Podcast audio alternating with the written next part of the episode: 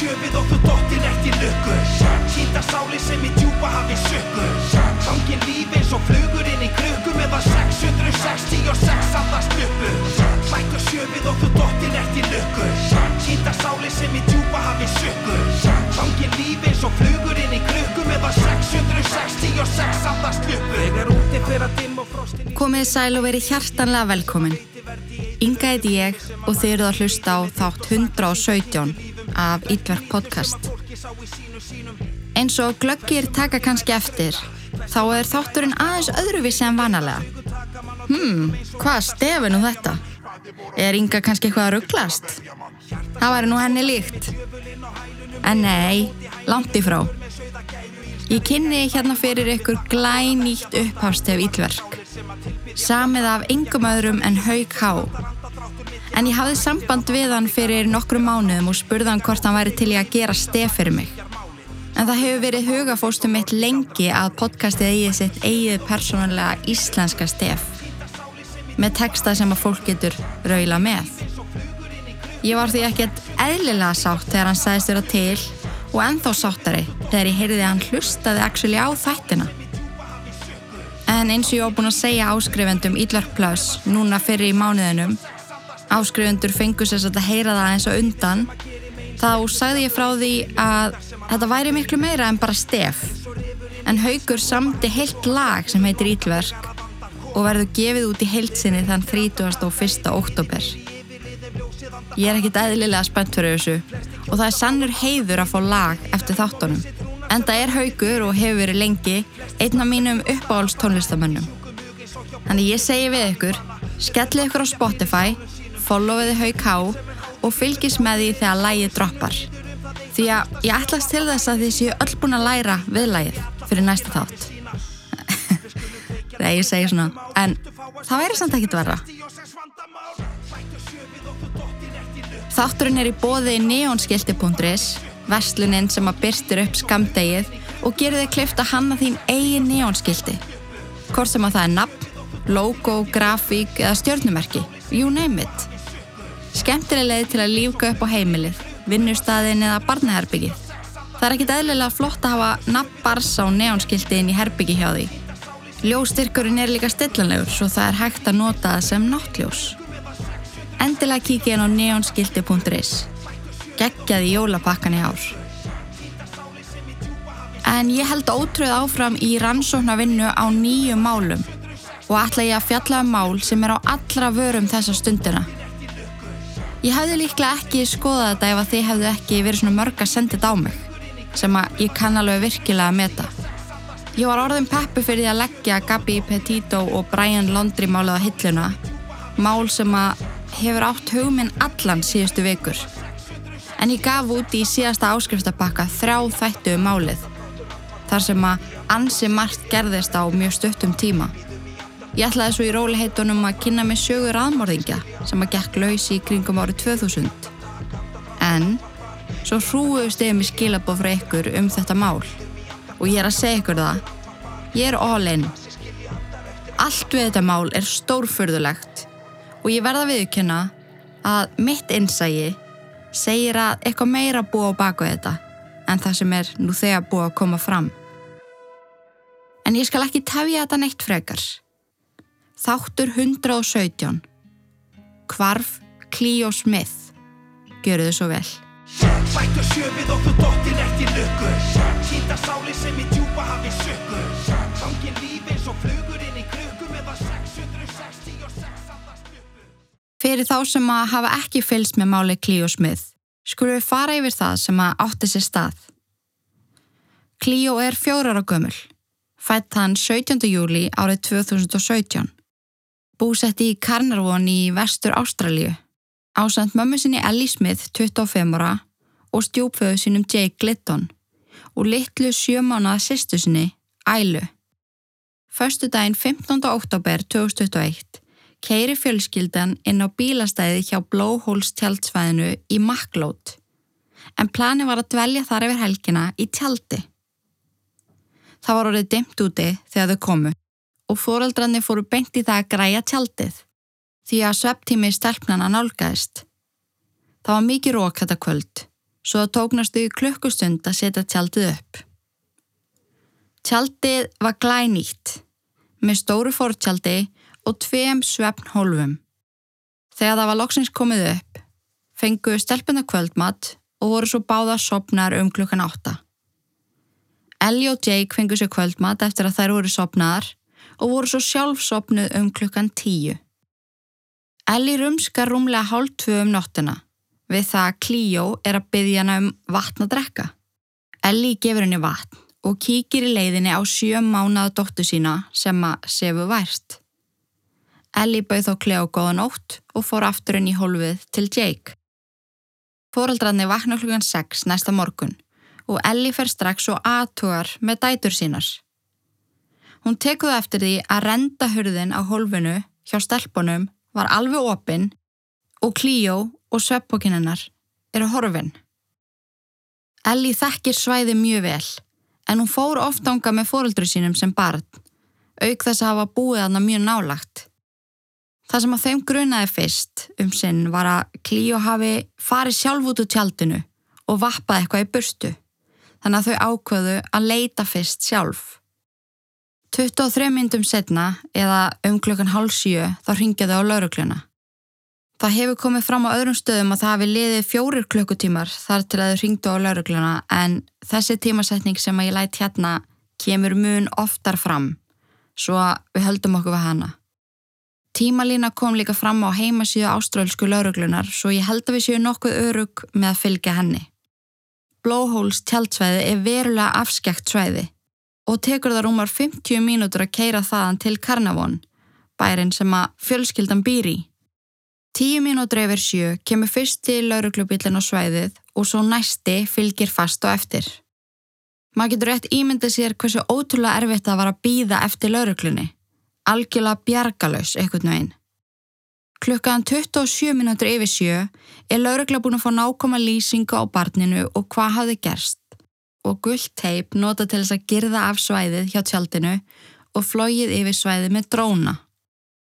Rúmlega átta mæta á svæði fjölskyldumæðlimir Ellie og Jake ásand vinum þeirra til að hjálpa til með leitina. Nýju mínútur yfir átta er ræst út þyrla sem að flauga við svæðið og leita af Clio. Klukkan hálf nýju eru settur upp vegatálmar svo engin bíl komist inn og út úr blowholes án þess að leifa lauruglu að leita í bílnum. Klukkan tíu koma nýju menn frá Björgunarsveitinni í Karnavón og hefja leit á samt lauruglu þjónum, fjölskyldu og vinum Ellie og Jake. Ellie og Jake setjast niður með tveim lauruglu þjónum og það er rætt við þau nær allan daginn. Það var líka rætt við aðra gesti á tjaldsvæðinu ásamt því að það var leitað í farangrið þeirra og í bílónum þeirra. Svæði var kempt í tvo heila daga. Það var leitað á lofti, það var gengið um en leitin skilaði engum árangri. Það var líka haft augu með sveppókanum, en hann var horfin með henni. Eftir að rætt hafi verið við mann sem að bjóða hann á svæðinu og aðra gesti tjaldsvæðisins, gæt engin staðfest að þau hafi í raun og veru verið þarna kvöldi áður, þar sem að þau komið þegar það var komið myrskurs. Þá kviknuðu þær sögur um að mögulega veri útilegan eitthvað skonar legasaga til að hilma yfir ykkur öðru. En laurugla hefur gefið út ofinberlega að á CCTV myndavel sem að er staðsett utan og skúra á blóhál svæðinu hafi heyrs barsrött og það er vist búið að staðfesta að það sé rött klíó. Ég hef ekki séð þetta vídeo eða upptökuna, ég hef bara séð mynd af kamerunni sjálfri en það var áhugavert að vita hvort að kameran hafi náð hljóðu upptöku af því sem að átti sér svo stað þessa nótt. En sangkvæmt því sem að fóreldrarnir segja þá kvarf Clio á milli korstir í tvö um nóttina til rétt rúmlega sexum morgunin. En það er talið mun líklæra að ránið hafi átt sér stað fljótlega eftir hún sopnaði aftur. Sérst eftir að Ellie gefur henni vatna að drekka um klukkan hálf tvö. Það sem að sólinn er komin upp um klukkan svona 5-6 um morgunin og það er svona ólíklegt að ræningi taki barn út tjaldinu í dagsbyrtu. Það hefur komið fram frá fólki sem var aðná svæðinu að um klukkan hálf þrjú um nóttina hafi herst í bílspóla í burtu. Squeaking tires. Svo það er spurning hvort að ræningin hafi þá verið búin að koma klíó nokkuð hljóðlaust fyrir inn í bíl og spóla svo í burtu. mögulega lagt klóroformi við vitennar eftir að hafa laumast henni í tjaldið, tekið hann upp í sveppókanum og komist hann í burtu án þess að neitt takk eftir því. En eftir að þessar upplýsingar komu fram og fólk fór virkilega velta fyrir sér undalegum bílferðum þessa nótt, hafa nokkru stíði fram og sagst hafa séð flutningabíl nálagt blóhóls þessa nótt. Það sem að það var niða myrkur er ekki vita hvað tegundabíl þetta var eða hvernig hann var á litin. Þrem dögum eftir að Klíó kvarf rætti laurugla við blóðföður hennar, Daniel, og tók það viðtal þrjá klukkustundir og var hann strax hreinsaður og því ekki grunar um að eiga þátt í kvarfi dóttur sinnar. Ellie og Jake, stjúpfaðir Klíó, hafa aldrei þannig sé verið grunuð um neitt. Fjórum dögum eftir að Clio kvarf eða það 19. november komu Ellie og Jake fram í viðtali við VAM News þar sem að þau fóru yfir atbyrðarásina ásandi að lýsa dóttu sinni og hvernig þeim hefur liðið síðan hún kvarf. Þetta viðtal var íkveikin af samsæriskenningum, internet, lauruglunar sem hefur kröfið hverja einustu hreyfingu þegar Jake og Ellie ásandi að Eva stórlega um trúverðuleika þeirra. Þótt að ég vilji nú ekki vera að koma með nennar alhafingar og það er auðvitað erfitt að setja sér í þeirra spór. Ég held að enginn geti ímynda sér hversu hræðilegt það er að týna barninu sínu fyrir að þú lendir í alvörunni í því. En ég viðkenni samt fúslega að margt sem að kemur fram í þessu viðtali er enginnilegt eða svona hvernig það er sett fram, fattiði mig. En ég gafni mínu spurði nokkra mæður út í þetta og baður um að horfa á vídjóið. Allar sögðu þær að líklegast þyrta að spröyta þær niður ef að slíkt kæmi fyrir þær. Einn þeirra deldi með mér að hafa einu sinni týnt badninu sínu í verslun og gjörsalega störtlast. En við vitum auðvitað ekki hvernig Ellie brást við upprunarlega. En þegar hún kemur fram í viðtali, fjórun dögum eftir kvarfið, getur hún sittir óleg, tárast lítilega og svarað öllum spurningum. Það getur vel verið að hún sé hreinlega áróandi og kannski beitum það í sig að halda stillingu svo að allar upplýsingar kæmur skýrtið skila. Svo megu við ekki gleyma því að þau hafa líklega slítið sem ekkert sofið, séðan klí og kvarf. En ég hef í mörg ár verið mjög áhugasum um líkams tjáningu. Farið gegnum nokkra bækur og hinn ímsu kennslu vídjó. Ég er engin sérfræðingur en mér þykir mjög áhugavert að spá í þessu. En ég horfið á viðtölinn sem að þau hafa farið í og punktaði hjá mér nokkra hluti og bar svo við hluti sem að ég punktaði hjá mér úr viðtali Susan Smith. En í nógumber árið 1994 þá höfum við drenginir hennar sem að sangat henni var rænt. En síðan kom í ljósa, hún let bíli sinni renna át í sjó með strákana sína fasta í bílstólum í aftursætunu. Hún myrti þá því að maðurinn sem að hún var að hitta vildi ekki halda áfram að hitta hana því að hún átti börn. Hún var ómikill pakki fyrir hann. Og svo ég takja líka fram þá er ég ekki að fullir það neitt. En þar sem að þetta viðtal við Susan setur mjög fast í minni mínu, þá ákveði ég að bera þetta svona saman í gamni og ég sæi eitthvað líkindi. So Friday night um, we came obviously to the blowholes. Um, we got here about uh, 6.30, it was just before dark. We were able to put the tent up, put our gazebo up, um, get everything ready for both the girls so then they could um, go to bed. Um, we made them dinner. Uh, Cleo, she went to bed um, uh, probably about 8 o'clock. Um, a little one had dinner. She went to bed. We had dinner. We went to bed. Um, that was about it. We went to sleep. Um, Claire woke up at 1.30 and wanted a drink of water. Um, I got up, got her some water, and yeah, she went to bed. Um, I checked on Isla, made sure Isla was okay. Um, I got back in bed, and um, that was it really. We went back to sleep. Um, woke up to Isla wanting a bottle um, as we passed the divider. Um, like I went into the other room and um, the zipper was open, Claire was gone, um, and that was about it for Saturday morning until everything everything started. So the zipper to the outside, Yeah. and you mentioned Cleo was gone, so you looked down and Yeah, so um, basically how the tent was was we had uh, Cleo was on a mattress, um, our little baby was in a cot right next to her. We had a divider, and then we were on a blow up mattress as well. Um, and yeah, she, she was gone. Um, the the tent was completely um, open. It was about 30 centimeters from being open, and I mean, I turned around to Jake and and I just said like, Claire's gone. what happened from there? Um, well, basically, like obviously we went and like went looking, checking, making sure like you know she wasn't around the tent.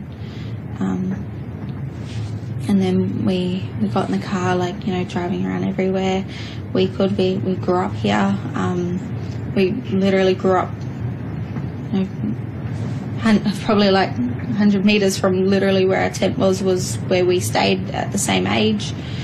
Um, so we we just looked everywhere that we went as kids, and um, we couldn't find her.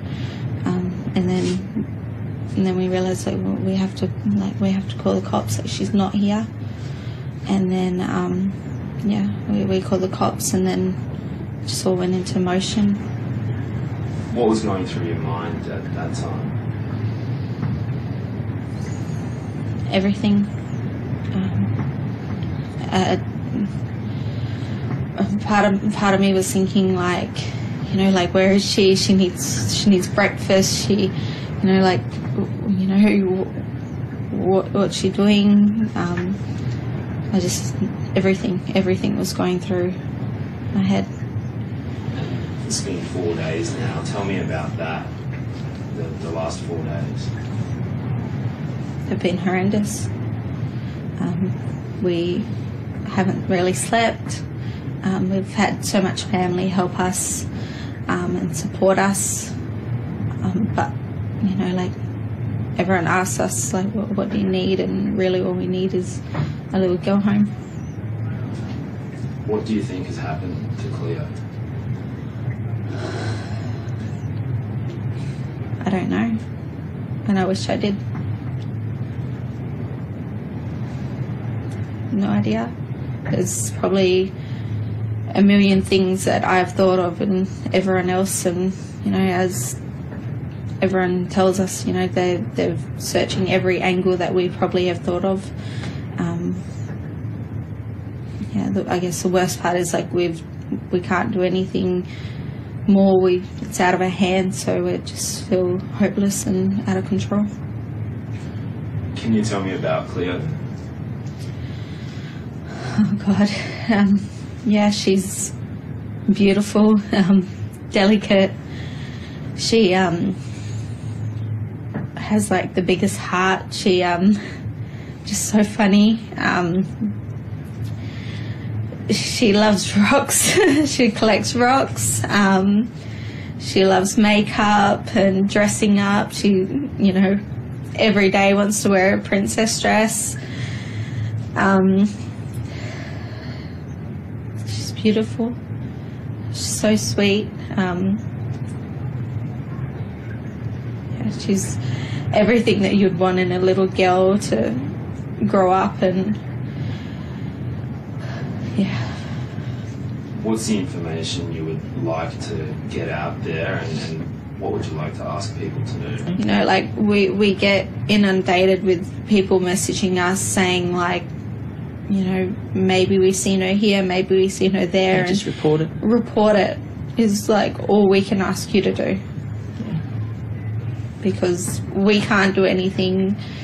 Mm, You know, if you see something, report it. It doesn't Yeah. matter if it's small or big, or if you you're sure or not. Like, we want our little girl home, and Just anything, report it, yeah.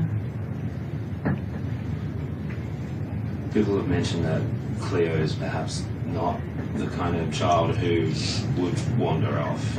Just No. tell me about that. she isn't. She would never. She she won't leave my side if I'm walking in the shops. I mean, I live five minutes from the shop. She won't even walk that far. She's um, Pretty lazy. yeah, she's she's lazy when it comes to walking. She won't ride her bike very far because she all she wants to do is just go in the bottom of her pram, and she would never leave us. She would never leave the tent. Um, she's wearing when she left, she was wearing a um a jumpsuit, and she can't like she can't go to the toilet without my help um, unzipping it and going and she would come get me just like she did with her water. She would um, she would never leave that tent alone. Do you think someone knows where Cleo is, or someone? someone has to. It's been four days and yeah they have to Do you fear someone has taken her? we hold hope that you know she's here because if I think about her being taken, it's pretty, you know, a million other things cross her mind. Um, but I mean, that's why everyone else has their has their job because that's what they're here to do to find her. Can you tell me about that massive search that you've seen taking place? Everyone's doing everything they can. Everything they can, yeah. Um, I mean, we sit and watch it every day and all night, and Yeah, it's going day and night. You can see it happening. it's it's going, and we just yeah, we're just watching it happen. Um, like they've been amazing updating us, but you know, every time we get a call, we just always think like, is this our call that she's home? Is this our call that you know she, we, we sit we sit and watch the sand dunes, and we just think that she's just going to run down it and like back into our arms, but we're still waiting. How are you feeling right now? how I'm feeling is how I never want any any mother to feel with their child. How would you imagine Cleo might be feeling? Scared. Terrified.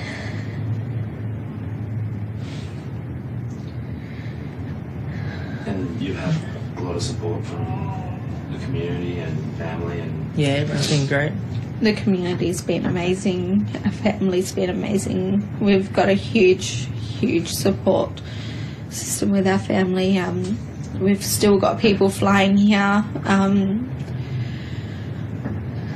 All the community offering to help. And No, the assisting. community's been amazing. We've got people everywhere, um, and you know we're gonna find her. We have to. Can you tell me a little about your family with the, the four of you? You live in Carnarvon, you go on camping trips like this. Can you talk me through some of that? Uh, well, this this was our our baby's first Yeah. camping trip. got a seven month old baby. It was a brand new tent. Um, first time we'd used it, so obviously we were trying to work out all the Yeah. flaws that could come with it. But this was never something that we expect ever thought would have happened. And what do you like to do, the four of you, spend time together? go fishing, camping, hang out at the beach. beach. Claire's uh, terrified of the water. She doesn't go into the ocean. Loves the pool, but ocean not so much. Sand castles and Yeah, playing the sand. Yeah, she'll play in the Just learned to ride her bike without a training wheel, so Yeah, we we- brought that up. We brought her bike so then she could um, ride around basically where we all grew up. So she was gonna, um, yeah, learn. Well, keep learning to ride with no training wheels, as she calls them, stabilizers. And is work and school here in Carnarvon? Yeah, um, I work in town at the beauty salon. Uh, Jake works Is at it Rio? Like Rio. Claire? um, Cleo goes to school um, at St Mary's. What's giving the two of you hope right now? I know she's strong. Um, Cleo was born eight weeks early. She was premature, and she's been strong from the day she was born. So I know she can get through whatever she's going through. And for people keeping an eye out, can Tell me, what does Cleo look like and, and what was she wearing? She's um, fair skinned, quite skinny, slim, um, honey blonde hair, hazel eyes, um, just beautiful. Um, she she probably wouldn't really look comfortable or she would be terrified. She would be so scared. Um, If someone does know where Cleo is and isn't providing that information, what would be your message for Please tell someone. just report it. What if it was your child and someone knew and didn't say something? Yeah. Any news can help. And just lastly, you said the last four days you, you've been sort of here just waiting on any news and Yeah, we've been close by. Um, we haven't left. Just yeah, waiting, waiting for her to come home, so we could take her home. Það fyrsta sem að ég tek eftir í þessu fyrsta viðtali er að þau eru bæði með krosslaðar hendur. En það er algengasta líkamstjáningin. Eitthvað sem við sjáum alla daga og gerum reglulega sjálf. Krosslaðar hendur. Það er ákveðið varna viðbragð. Þú ert kannski að svara ógnandi spurningu, þið líður óþægilega, ert feimin og mögulega aðstæðum sem að þér líkar illa. Þannig það er mjög skiljanlegt að þau fari í þessa varna stöðu. Allt ofantalið passa líklegast við það sem að þau eru að gangi í gegnum. Þeim finnst óþægilegt að vera fyrir framann allar þessar myndavelar, opna sig fyrir ókunnum manni og, og ná allt er barniði tínt. Annað sem að ég tek eftir er að þau horfa bæði mjög mikið niður, þá sérstaklega Ellie, hún gera það eiginlega allt viðtalið. Og það getur þýtt ímislegt. En þú getur bókað það að manneskjan sem þú ert að tala við er að upplifa einhverja mjög sterkar tilfinningar ef hún meikar ekki auksamband við þig. Það getur þýtt að manneskjan er að kapna á fimmni, sé virkilega miklu uppnámi og reyna að fela tilfinningar sínar með því að stara í gólfið. En það getur líka þýtt að manneskjan sem að horfi niður sé að ljúa. Það er ofta hægt að sjá það á fólki þegar það lígur. Það er kannski að segja þér sögu eða frá ykkur í upplifun og lítu niður ekkert part af sögunni. Þá geti það stafa að hún mun ekki nákvæmlega hvað gerðist, sé að íkja eða hreinlega að ljúa og meikar ekki að horfa framann í þau á meðan. Það sem ég tek líka eftir með Ellie er að hún talar í high-rise setningum. Ég veit ekki alveg hvernig er best að þýða þetta á íslensku en það kemur út einhvern veginn svona. Ég veit ekki hvar Clio er. Rennilásin á tjaldinu var opinn. Hún svona, hún talar í brekkum. En þetta er merkið um mjög mikið óryggi og getur komið út eins og upptalning eða að setningin hljómi eins og spurning. Það er vissulega þekkt sumstæðir í heiminum að tala svona. Þetta er bara svona ákveðin blær í heimnum og eftir frekar er rannsók komið ljós að það er mjög algengt að tala svona í Ástralíu og þá sérstaklega ungir ástralir sem hafa ekki reynslaði að tala ofinbilla. Og ég eru því að telja upp lista af staðrindum í huganum og reyna með því að tala svona að gleima engu, fattiði mig. Svo það geti vel verið málið.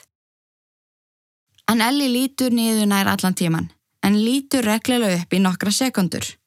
Þá aðala á ákunnum orðum í endasetninga, til dæmis þegar hún segir æla, sem er dóttur hennar, tent, camping, sem getur bandið þess að hún líti upp þegar hún segir frá hlutum sem hún veit að eru sannir. Hún til dæmis veit 100% að dóttur hennar heitir æla. Hún veit að þau voru í tjaldi og þá lítur hún upp, af því þá er hún að segja 100% satt. Hún enda líka setningarnar ofta á því að segja um, sí, um, sem gefur til kynna að hún er hikandi og veit ekki alveg hvað á að segja næst. Ásamt því að nota sterk orð eins og always, never, she would never, anything, everything.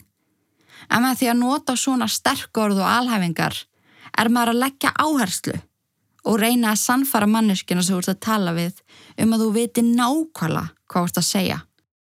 En þetta er mjög þekkt nótkun í orðalagi hjá fólki sem er að segja legasögu. She would never leave the tent. We would never harm her. Hún hristi líka hausin mjög mikið á meðan hún talar, sem er álíka klassist dæmi um líkamstjáningu og krossluða hendunar. En ég las mjög áhugaverða greininu sinni um hvaðan það kæmi að kinka kolli. Hvort sem að þú ert að segja já eða nei með líkamstjáningur einni saman. En sagt er að þú lærir að segja nei með höfðinu þegar þú færð mjölk sem unga barn. Hvort sem að það er úr brjósti eða pela. Því að þegar barni vill ekki meira þá hristir það höfuðið og læri þannig að svona segja maður nei. Þegar aðili er að lýsa ykkuru eða halda ykkuru fram og hristir höfuðið á meðan er hann ómeðvitað að segja Ég veit að þetta er ekki rétt. Ég veit þetta ekki. Það er til dæmis ekki mjög sannfarandi ef að kona segir ég elska þig og hristir höfuðu á meðan. Eða nokkuð? En Ellie hristir hausin nær allan tíman en stoppar þegar hún segir þessi stikkorð sem að ég talaði um áðan orðin sem að hún veit að eru sönn eins og til dæmis nafn dóttu sinnar, Tent. Jake, fattiði mig. Og by the way, ég hef lítið sem ekkert að segja um Jake svona á þessu auknarbleiki því að hann segir alltaf orði í þessu viðtali. Hann er algjörlega sviplaus í framann. Sem að getur sagt manni það að Ellie er svo sem ræður í sambandinu. Og ég tek það áttu fram, ég er ekki að fullera það. En samkvæmt öllu sem að ég hef lesið mig til um þetta, er það oft aðilinn sem að talar í svona aðstæðum sem að ræður. Jake reynir einstakasinnum að stinga henn orðum en Ellie talar yfir hann og lítur á hann í leiðinni. Svolítið eins og hún sé að segja með augunum Öss, voru hún búin að ákveða að ég myndi tala, fattuði mig. Það sem að mér svolítið líka mjög áhugaverst er að þau brostu bæði og hlóðu þegar Ellie talaði um hvernig karakter Clio er. En það að skella upp úr á alvarlegum augnableikum er mjög algengt þegar fólki líður virkilega óþægilega eða ítla. Stundu fara tilfinningarnar heilan ring og þú reynlega skellir upp úr. Maður hefur alveg heyrst af fólki sem fer að hlæja í jarðaför eða þegar þeim er tilkynnt eitthvað hræðilegt. Það er bara því að tilfinningarna fara einhvern veginn heilan ring því líður svo óþægilega og veist ekki hvernig þú ert að breðast við. En þarna eru það að tala um hversu dásanleg dóttið þeirra er og hleypa út smá hlátri og brosi í leiðinni sem að virkar mjög óviðandi á þessu augnabliki en er samt alveg skiljanlegt.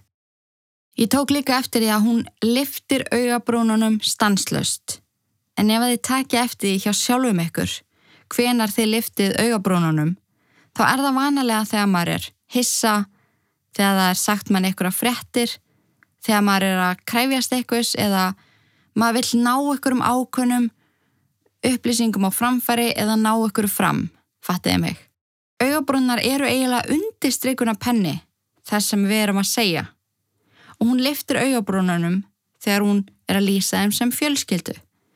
Hvað Klíó myndi gera og hvað hún myndi ekki gera og hvað þau hafa fengið mikinn stöðning frá öllum. En svo segir hún eitt sem að stakk mig mjög mikið. En spirillin spyr þau hvað þau gerir vanilega saman sem fjölskylda eitthvað svona skemmtilegt. Og þá lítur Ellie og Jake sem að opna munnin en hún byrja svo að telja upp. Útilega, veiða og svo skýtur hún því inn. En er döðrætt við sjóin. Hún elskar sundlegar en er mjög hrættu sjóin. Hún vill ekki vera nálætt honum. Það er tvent sem að mér þykir einkennilegt við þetta. Númer eitt. Af hverju velur hún þá þessa afskektu staðsendingu til að fara í útilegu á, sem er alveg upp við sjóin. Plús það þá er mjög skrítið hversu sendið voru á ferðinni. Eitthvað að tjálta í niða myrkri með lítil börn, en ok. En svo finnst mér líka einkennilegt að hún skuli yfir höfuð segja þetta. Því að það spurði enginn. Af hverju hún sérstaklega að taka það fram að hún sé hrætt við sjóin? Er það til að beina aðteglirinn frá því að hún hafi druknaf? Eitthvað hafi komið fyrir hann í sjónum eða í vatni? Gata allavega ekki annað en velti fyrir mér. En kíki endil á þetta vídeo og skoði búntana sem ég hef komið með. Þau skilja á kannski af hverju ég talaði lítið sem ekkert um Jake því að hann virkar bara sem geðvett bugaði maður, að lamaður í framann á meðan Ellie sínir mun meiri svipriði og reyfingar. og annað enginni þeirra sem er að segja legasögu og eru í aðstæðan þar sem að þeir eru krafður um upplýsingar og það er að veita allt og mikið af upplýsingum um óþörf smáadriði og nær ekkert um það sem að er raunverulega meikilvægt. Og í viðtalinu finnst mér þau fara ofsalega grófla yfir það sem átti sér stað og Ellie endar oft setningarnar á That's about it. Það síðasta sem ég tók eftir var að Ellie forðaðist að segja ég. Hún talaði alltaf um við. En kannski var það meðvituð ákvörðun að hún ætlaði að tala og er því að tala fyrir þau bæði. En þeir sem er að ljúa nota oft við í staðin fyrir ég til þess að fjarlæga aðteglina og ábyrðina af sjálfu sér. En hún segir alltaf We need her home. We need our daughter. She needs us sem er mjög svipað og með Susan Smith og það sem hún gerði þegar hún var að beða til almennings um öruga endurkomu svona sinna. En Ellie og Jake fara svo í annað viðtal 25. oktober við Seven News og ég tók sérstaklega eftir því að þarna bætir hún við upplýsingum. Þarna bætir hún til dæmis við ég pakkaði henni vel inn í sveppokan, ég gætti þess að henni væri hlýtt, ég passa að hún væri örug Hún bæti við svona upplýsingum sem að gera hana að betri móður, fattiði mig. Og annað, þegar spirillin spyr, hvernig þeim leið þegar þau föttuð að Cleo er að horfin, þá segir Ellie, so scary, how should it make me feel? Og enda þá setningu með spurningu, hvernig ætti mér að líða? Sem er ákveðið merkju um vörð við spurningunni. Og kannski finnst henni þetta hennilega fáraleg spurning, húst, auðvitað leiðinni umulega en hún segir þetta nokkru sinnum í gegnum viðtalið. I know you'd really rather not be here Well, right now talking to us. No, not at all. But But we're here. you are. Why is it that you agreed to have a chat to us? Well, we're hoping that by being here, um, whoever's watching, if they know anything, if the person that's watching that has Cleo, we want her home. We want her to be home with our baby. We want her in our arms. What's it been like coming back from the blowholes? You- You're back in your hometown now. What's it been like trying to carry on with your life without your little girl? Very hard. Yeah. Um like you said, we're going on to ten days, but it feels like eternity already. Yeah. I know you're you're adamant that you don't want to revisit all the the sequence of events that night, so we'll just go to the the part where you arrive at the blowholes. You're pretty eager to get your tent set up, get dinner, get organised. Cleo then goes to bed at about eight, eight thirty. What do you say to her? What are, what are your last words? How do you put her to bed exactly? I put her to bed. I tucked her in. I made sure her sleeping bag was completely tucked under her mattress. I made sure she was warm. It was going to be a, quite a windy night. It was overcast. Um, we just tried to make sure she was safe. The last time you spoke to her, do you remember what you said? I asked her to get back into bed um, after she had a sip of water. Um, put my head through to check on Isla, and that was it. That was the last time. And again, I, I know, I know you, you absolutely don't want to revisit that night. Um, so about 1.30, she stirs, she's thirsty, and then at about 6 o'clock in the morning, 6, 6.30, you realise she's not there. Yeah. Can you describe what that feels like? Heartbreaking, heart wrenching, Scary. completely scary. I mean, how are you meant to feel? I think a lot of parents have experienced that moment where you lose sight of your child even for a minute. You, f- you feel sick. You're Yeah. overwhelmed with, with stress. Uh, at what point did you hit that level? Straight away. Straight away, pretty much. It was, you know, I, I remember when the when the police were asking us to go through everything. Uh, I just remember thinking, like, how did someone come into that tent and take Cleo? How how could someone feel that they could do that to someone? How could someone take a child? And my gut was just felt sick.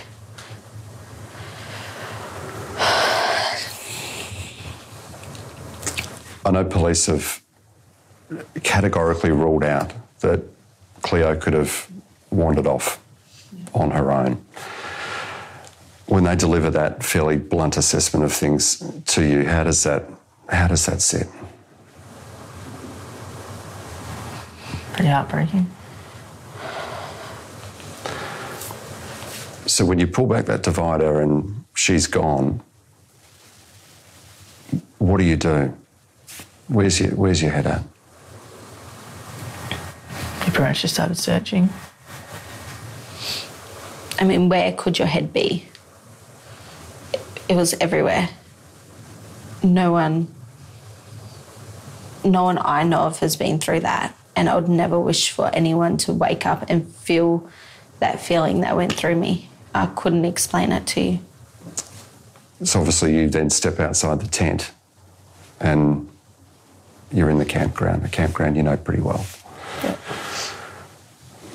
Where do you go? We pretty much just searched everywhere. Everywhere we could think of, like we both grew up there. Um, where do you not go? You go everywhere. Stayed on the phone to the police. Um, we had to keep doing check ins until they got there. And the whole time, you, you're trying to look through tears. Um, I had other mums helping. Yeah, it was nothing that I would ever wish upon anyone. That Saturday was to be your first full day there at the campsite. What did you actually have planned? I would plan to head down to the beach, um, teach Cleo to go swimming, and I was pretty much Isla's first camping trip. So we're going to take her and put her in the water and teach her to swim as well. Bit of bike riding too. Yeah, she's just just learned to take her. We just took her training wheels off, and she's just learned to ride without them. So we're gonna took her bike up to teach her some more. camping something that you enjoyed doing. Yeah, we do it a lot. We haven't been since we've had Isla. It's about about a year since we've been. It was meant to be her first camping trip Isla's with her sister. camping trip. She was excited to be there. Yeah, to say the least. What happens after that? I know you you stayed at the blowholes for some time until Friday. You said you you wouldn't leave there without Cleo. and we had to. Uh, you had to. It got At, to a at what point. point did you have to face each other and say, "We have to go now"? Once, once they confirmed the search and It ruled was out she done. wasn't there.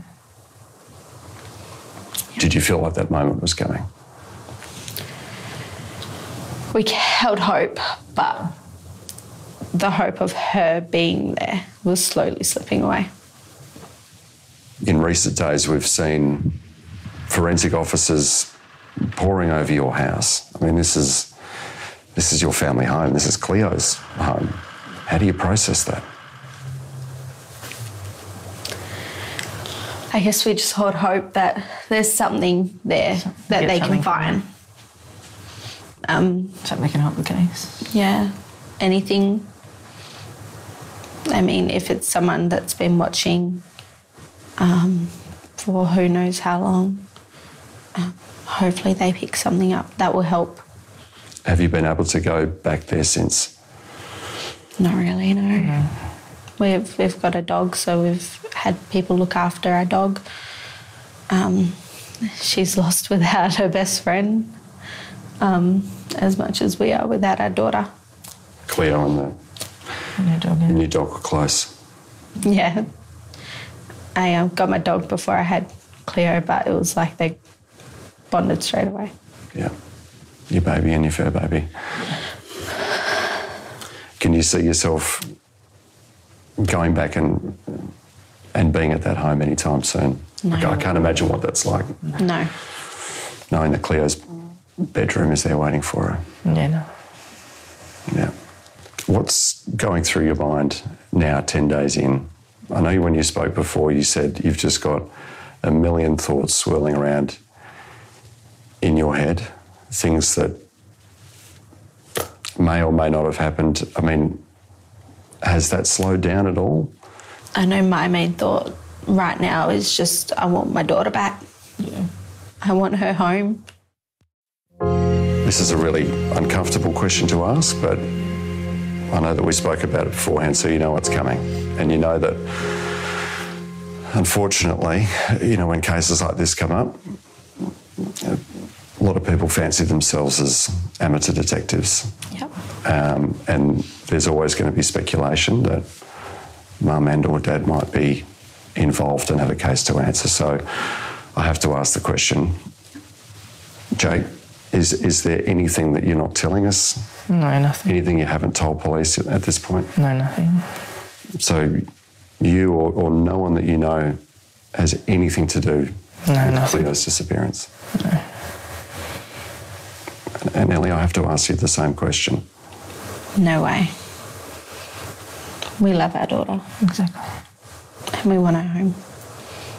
How does it feel knowing that people do form these theories and and and that somehow you fit this theory? I can't imagine what that feels like. Um, for someone, you know, if they've got kids, they know what it feels like to be a parent. And there is no way that either myself or Jake could have done anything to hurt our daughter. What do you think happened? She was taken. Someone's taken. As simple as that, or are there other things that are really weighing on your mind? You know, what, what does your gut tell you happened? Just she's taken. Someone's She's someone gone. taken. She's been taken from our family, from somewhere she's meant to feel safe, and she's been taken. It's just, it's so brazen, isn't it? It it is, and I just I I can't even explain to you what we've gone through. It's it's no, it's it's terrible. I mean, it sounds like you're a pretty experienced campers. I'm a camper. I, when I go to bed at night, you know, in a, in a tent, I feel quite comfortable. I feel at ease when you hear movement around you, you know, howling wind, crashing waves, birds, sounds of nature, other people's footprints, anything like that. It's staggering, isn't it, to think that someone would come into a tent in the middle of the night. It's absolutely disgusting. I know that the whole state, the whole country is, is desperate for good news for you, for resolution. Um, to the people who are watching tonight, what would you like to say to them? And if you wanted to speak to them directly, if you know anything, anything at all, call the police because we want our daughter back and she wants us. Our daughter, Isla, she needs her big sister. We need her home. there's also every chance that her abductor or abductors might be watching this as well, Ellie. So, again, if you want to speak to, to them potentially directly, what would you say to that person or persons? I wouldn't even know what to say to them. Please bring our girl back. Just bring her home. She. She's everything that. everything to us. And she belongs at home with her family. Það sem ég tók sérstaklega eftir í þessu viðtali. By the way, ef þið hafið tök á því að horfa á vídeo meðan við erum að hlusta væri það geggjað. Þá sjáu þið hvað ég á við. En ef að þið getið ekki núna þá mæli ég með því að þið gerir það við tækifæri. Þetta er mjög áhugavert að pæli í þessu. En já, það sem stakk mig í þessu viðtali er þegar Ellie segir að það skuli ykkur hafa komið inn í tjaldið og tekið barnið er hræðilegt.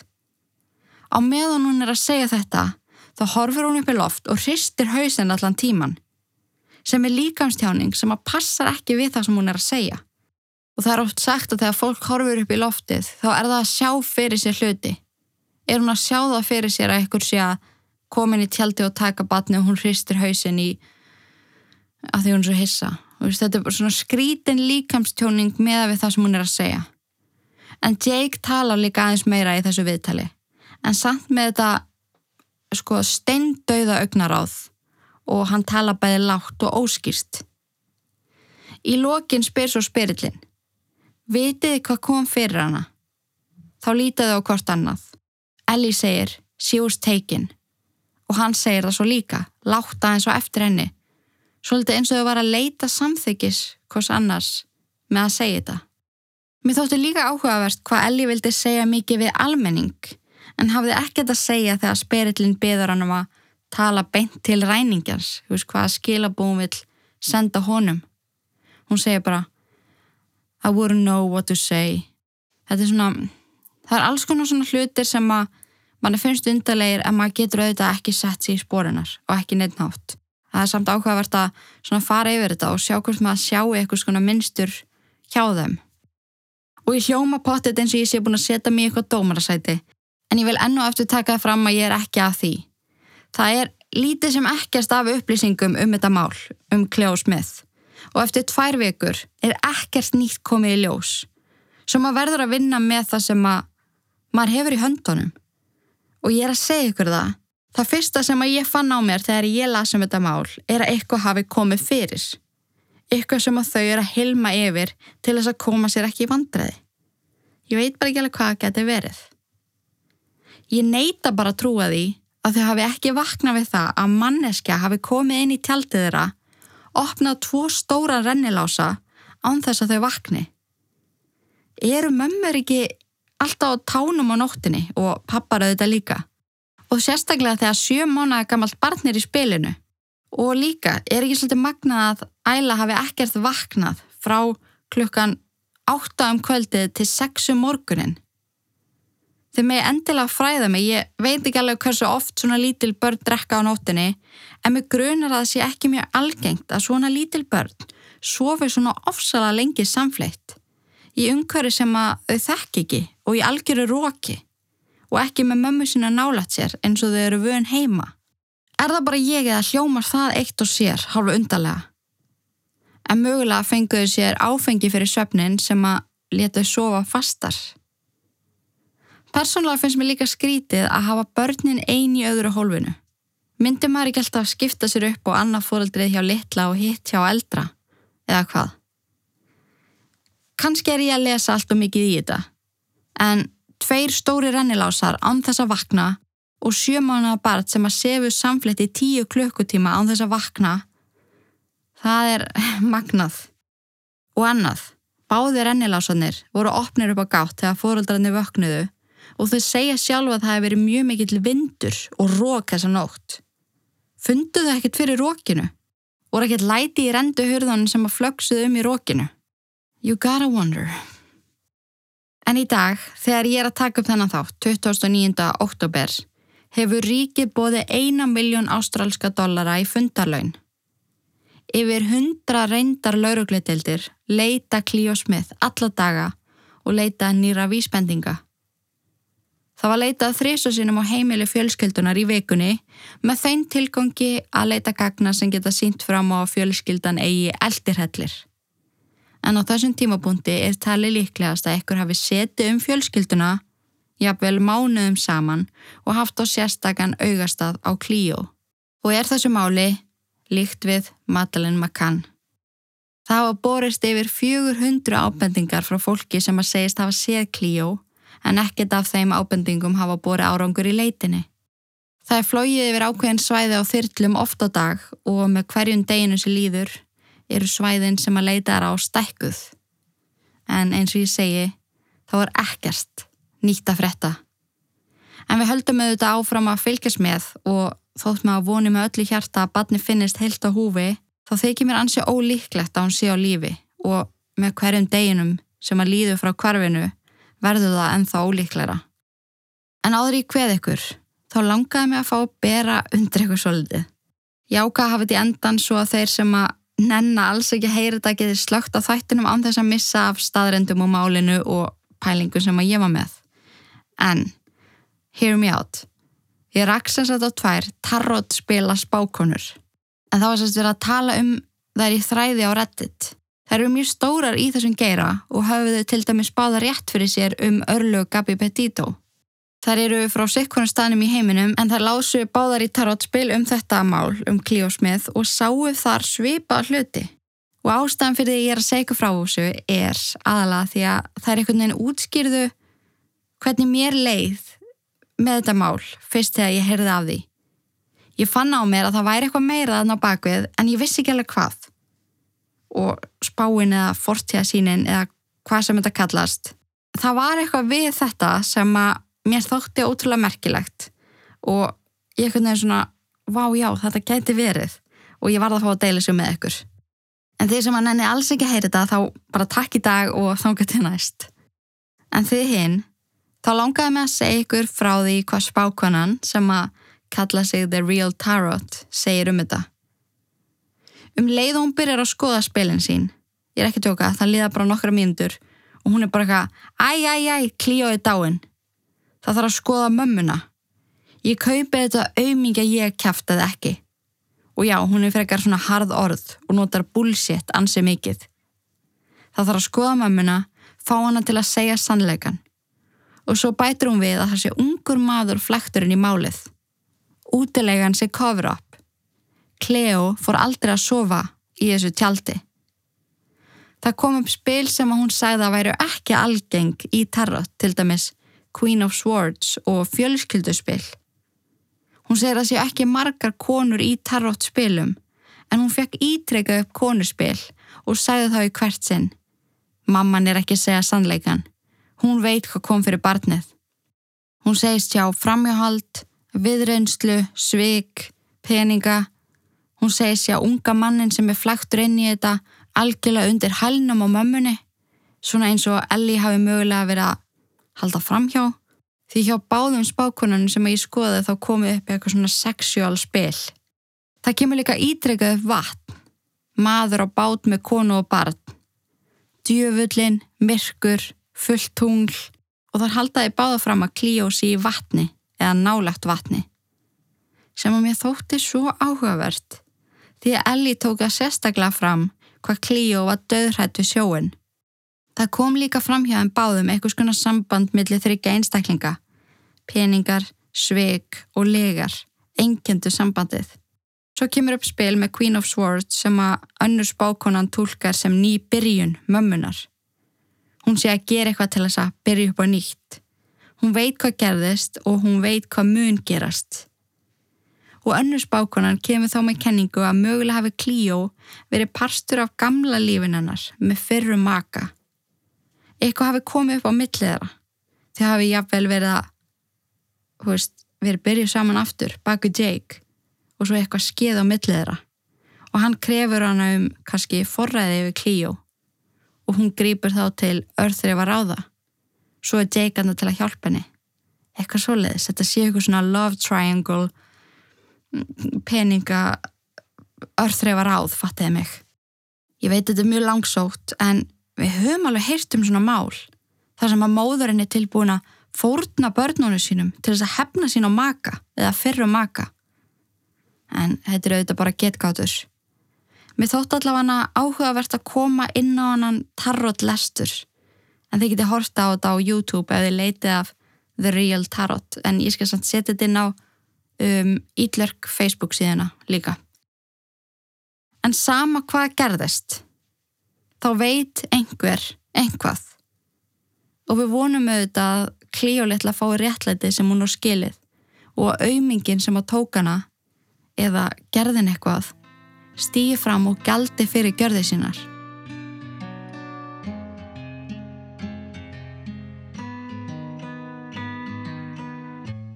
En þetta er allt sem ég hef fyrir ykkur í dag og ég hveti ykkur til að fylgjast með máli Clio og ég mun að sjálfsögðu henda í annan þátt ef að eitthvað nýtt kemur í ljós. Ef ykkur langar í fleiri ítverkþætti getið þið skráð ykkur í Ítverk Plus og fengið þannig aðganga yfir 85 auka þáttum og 5 nýja þætti í hverju mánuði. Þið finnir áskriftarleðinar inn á ítverk.is. En þá segi ég þetta gott í dag. Takk fyrir að hlusta, takk fyrir að vera til og í guðana bænum forðist öll ítverk nema þetta podcast. Haugur, take it away. Bættu sjöfið og þú dottir eftir lukku Sýnda sáli sem í djúpa hafi sökku Gangin líf eins og flugur inn í krukku Meðan 666 andast uppu Bættu